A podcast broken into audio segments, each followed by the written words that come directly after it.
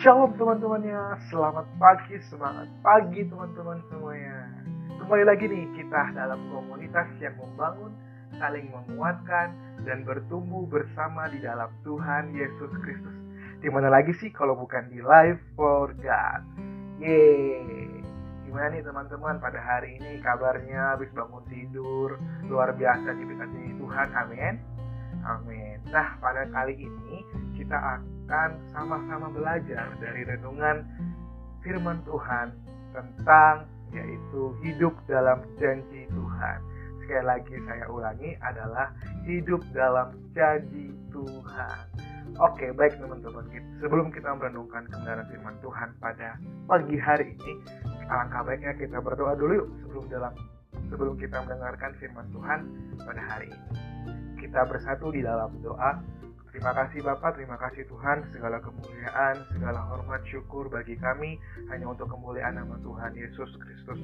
Terima kasih kalau misalnya pagi hari ini kami masih diberikan nafas kehidupan, semuanya berkat anugerah Tuhan karena campur tangan Tuhan. Kami percaya Tuhan ketika kami masih diberikan nafas, artinya Tuhan masih mengizinkan kami untuk hidup dalam pertobatan. Ajari kami setiap hari demi hari, bahkan kami serahkan semua dalam tangan pengasihanmu dari pagi hari ini sampai nanti nanti kami tidur kembali serta merta hanya untuk kemuliaan nama Tuhan. Terus proses hidup kami, ajari kami untuk terus taat dalam firman Tuhan. Kami percaya Tuhan bahwa hari ini kami mengklaim janji Tuhan dengan kemenangan demi kemenangan yang terjadi dalam kehidupan kami.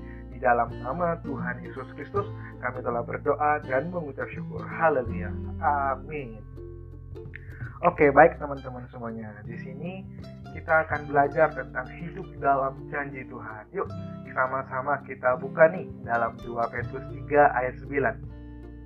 Sekali lagi dalam 2 Petrus 3 ayat 9. Oke, yang udah dapat katakan amin. Amin. Oke, ini saya akan bacakan nih buat teman-teman semuanya ya. Tuhan tidak lalai menepati janjinya. Sekalipun ada orang yang menganggapnya sebagai kelalaian, tetapi ia sabar terhadap kamu, karena ia menghendaki supaya jangan ada yang binasa, melainkan supaya semua orang berbalik dan bertobat. Sekali lagi saya akan bacakan ya. Tuhan tidak lalai menepati janjinya, sekalipun ada orang yang menganggapnya sebagai kelalaian. Tetapi ia sabar terhadap kamu, karena ia menghendaki supaya jangan ada yang binasa, melainkan supaya semua orang berbalik dan bertobat. Ini teman-teman, sering kali nih manusia manusia hidup kita ini suka mengeluh terhadap janji Tuhan dalam kehidupan kita. Padahal janji Tuhan itu iya dan amin loh. Nah, janji Tuhan itu kalau misalnya teman-teman buka di dalam kamus besar bahasa Indonesia, ini nih arti dari janji itu sendiri ya. Janji itu sendiri ya dalam bahasa kamus besar bahasa Indonesia itu mengatakan bahwasanya ucapan yang menyatakan kesediaan dan kesanggupan untuk berbuat dalam kurung seperti hendak memberi menolong datang bertemu. Nah, teman-teman, kalau misalnya kamus bahasa Indonesia aja sudah menjelaskan tentang kesanggupan untuk berbuat, siapa sih yang sanggup untuk berbuat atau menyatakan kesediaannya yang lain dan tak bukan adalah Tuhan Yesus Kristus. Oke, pada saat hidupmu dan hidupku kita diladeni dalam pergumulan, tantangan hidup, sakit penyakit, apa pun itu, bahkan pada saat kondisi di mana kamu dalam badai yang sangat menekan hidupmu ini, pada hari ini mungkin ya, kita terus ingin janji Tuhan ditepati dalam kehidupan kita. Padahal kita tahu sendiri nih teman-teman bahwasannya dalam Pokok 3 ayat 11 itu mengatakan bahwasannya janji Tuhan itu indah dan tepat pada waktunya karena ia melakukannya semuanya indah dan tepat pada waktunya. Setiap kebenaran firman Tuhan tuh teman-teman merupakan janji Tuhan yang wajib kamu miliki dan aku miliki gitu. Karena janji Tuhan itu tidak dapat dilepaskan nih dalam kehidupan kita.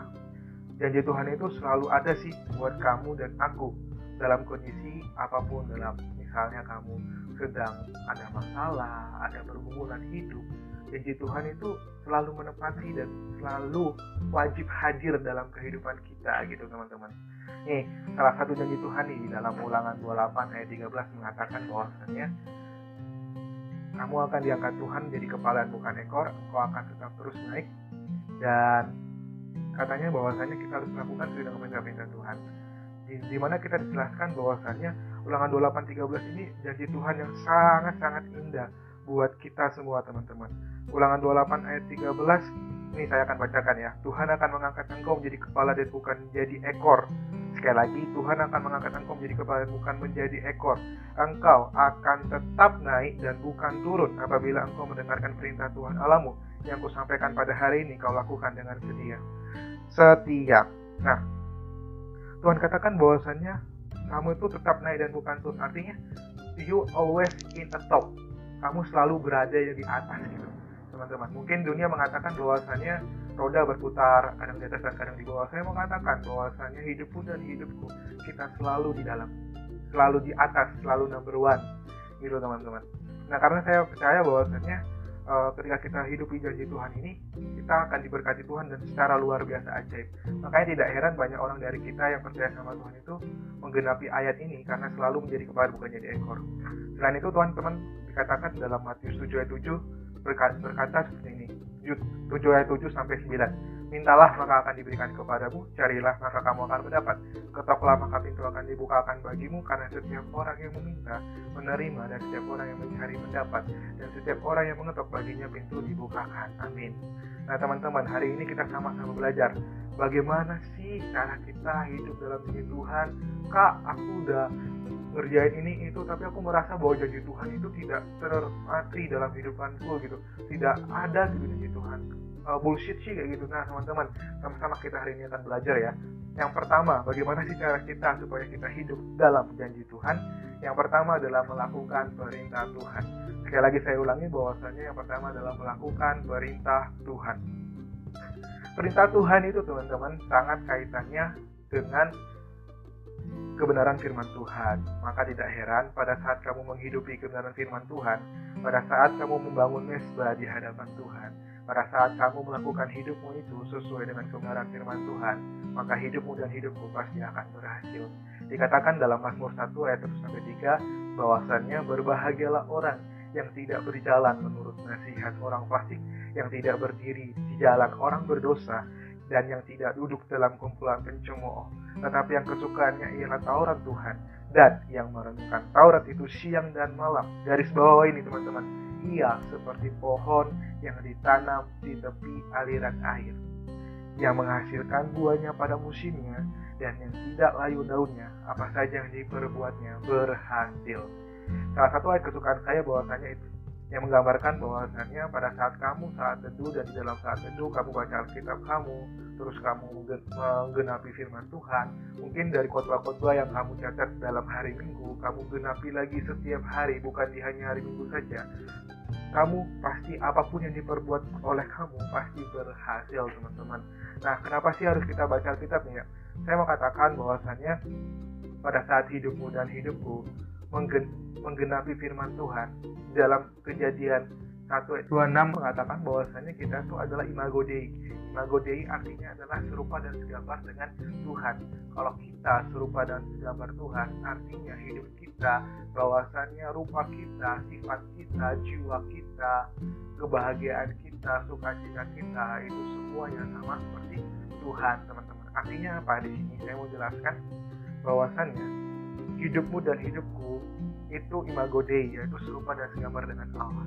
Pada saat kamu membaca Alkitab, berarti kamu sedang mengetahui dan mencari tahu siapa penciptamu dan bagaimana dia sangat sayang teman-teman Tuhan itu sangat sayang dan sangat peduli terhadap kamu.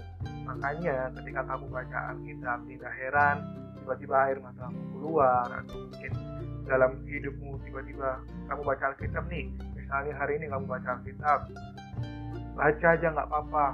Download sebanyak-banyaknya gitu kan. Nah tiba-tiba tiga hari kemudian kamu mengalami masalah dan solusinya Roh Kudus letakkan di dalam hati firman yang telah kamu baca itu teman-teman.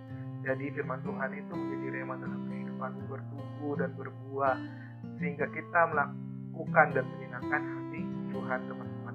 Ingat baik Tuhan Yesus itu sangat tidak suka terhadap dosa Tuhan benci sama dosa, tapi Tuhan sangat sayang terhadap dirimu, terhadap jiwamu, terhadap roh. Makanya dikatakan bahwasanya tadi di dalam 2 Petrus yang ayat pertama tadi kita tuh mengatakan bahwasanya karena ia menghendaki supaya jangan ada orang binasa, melainkan supaya semua orang berbalik dan bertobat. Karena walaupun orang-orang kita maupun uh, saya sendiri juga kadang-kadang menganggap bahwasanya sebagai kelalaian gitu teman-teman maksudnya janji Tuhan tuh tidak tepat wah mana nih janji Tuhan gitu kan ah masa Tuhan lalai gitu kan nah tapi teman-teman saya mau kasih tahu bahwasanya kita harus melakukan perintah Tuhan itu teman-teman makanya Nah, heran ketika kita ingin minta sama Tuhan, berkat Tuhan seolah-olah lama datang dalam hidup kita. Maka dari itu, kita sebagai manusia, kamu dan aku, kita akui dosa kita, lakukan perintah Tuhan, maka saya yakin dan percaya bahwa hidupmu dan hidupmu terus diangkat Tuhan naik dan bukan turun.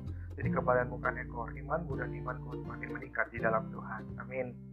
Itu yang pertama teman-teman, bagaimana kita hidup dalam janji Tuhan. Yang pertama itu melakukan perintah Tuhan. Hak yang kedua adalah apa pun masalahmu, apa pun keadaanmu, keadaanmu, belajarlah percaya sama Tuhan Yesus Kristus. Percaya. Teman-teman, hari ini nih, mungkin kau susah tidur kemarin, susah tidur mendapatkan baik, atau bahkan kamu habis diputusi pacar ya kan? Pacar, pacar, masih jomblo kak? Jomblo ya. Atau mungkin nih teman-teman, orang tua kamu sedang dalam pertengkar, teman kamu hati kamu, bintang kamu, atau apa pun kondisi kamu saat ini, belajarlah percaya. Percaya bukan belief, tapi lebih dalam lagi itu teras, bergantung sama Tuhan. Kenapa teman-teman harus percaya sama Tuhan? Pada saat kamu meletakkan dasar kepercayaan kamu dalam Tuhan, maka kamu sedang meningkatkan imanmu dan menjadi pribadi yang tangguh dalam kondisi apa pun. Dikatakan dalam Ibrani 11 ayat 1 sampai 3. Bunyinya seperti ini. Iman adalah dasar dari segala sesuatu yang kita harapkan dan bukti dari segala sesuatu yang tidak kita lihat.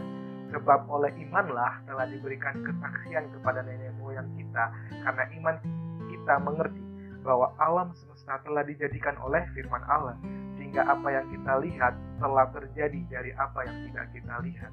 Garis bawahi atau mungkin kamu stabilo firman Tuhan ini katakan sesuatu yang kita harapkan dan bukti dari sesuatu yang tidak kita lihat.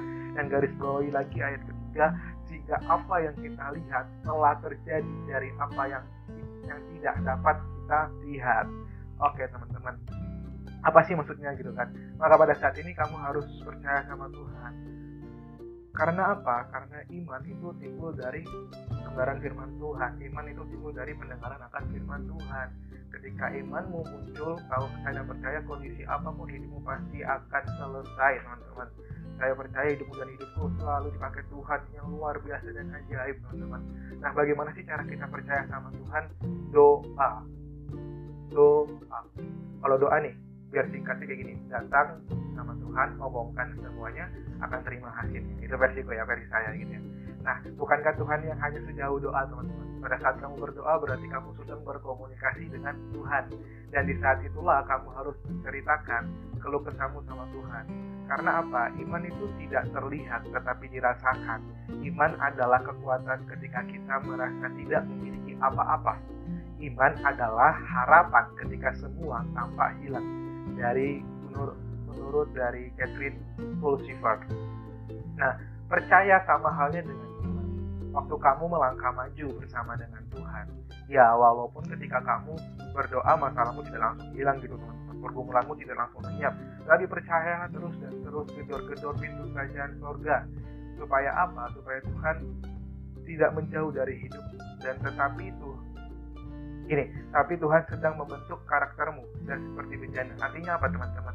bahwasanya hidupmu dan hidupku kita berada dalam sang alih bahkan yang sangat alih membuat bejana dalam hidup kita nih tukang bejana aja kalau kita membuat bejana bejana itu selalu dipoles dibentuk terlebih dahulu mungkin dibakar dan itu sakit rasanya tapi hasilnya adalah bejana itu memiliki nilai harga yang begitu juga dengan hidupmu dan hidupku. Pada saat hidupmu dan hidupku berada di dalam ahli bahkan sang dari semua ahli bejana artinya bahwasanya hidupmu akan menjadi mahal karena kamu sedang diproses Tuhan.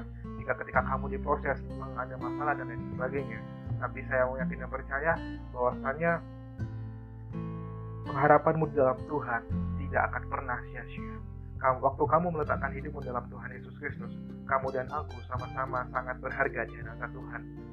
Terus maju dalam Tuhan, teman-teman. Tetap pandang Tuhan, jangan lihat ke belakang, jangan berhenti percaya siapa lagi sih dalam dunia ini yang tidak yang kita percaya 100% bahkan kalau misalnya bisa 1000% kalau bukan dari Tuhan Yesus Kristus amin oke teman-teman keep trust dalam Tuhan tetap maju terus Tuhan Yesus sangat-sangat sayang terhadap hidup dan hidupku terhadap jiwamu dan jiwaku terhadap siapa engkau dan siapa aku sama-sama kita tetap percaya dan Tuhan Yesus memberkati kita semua.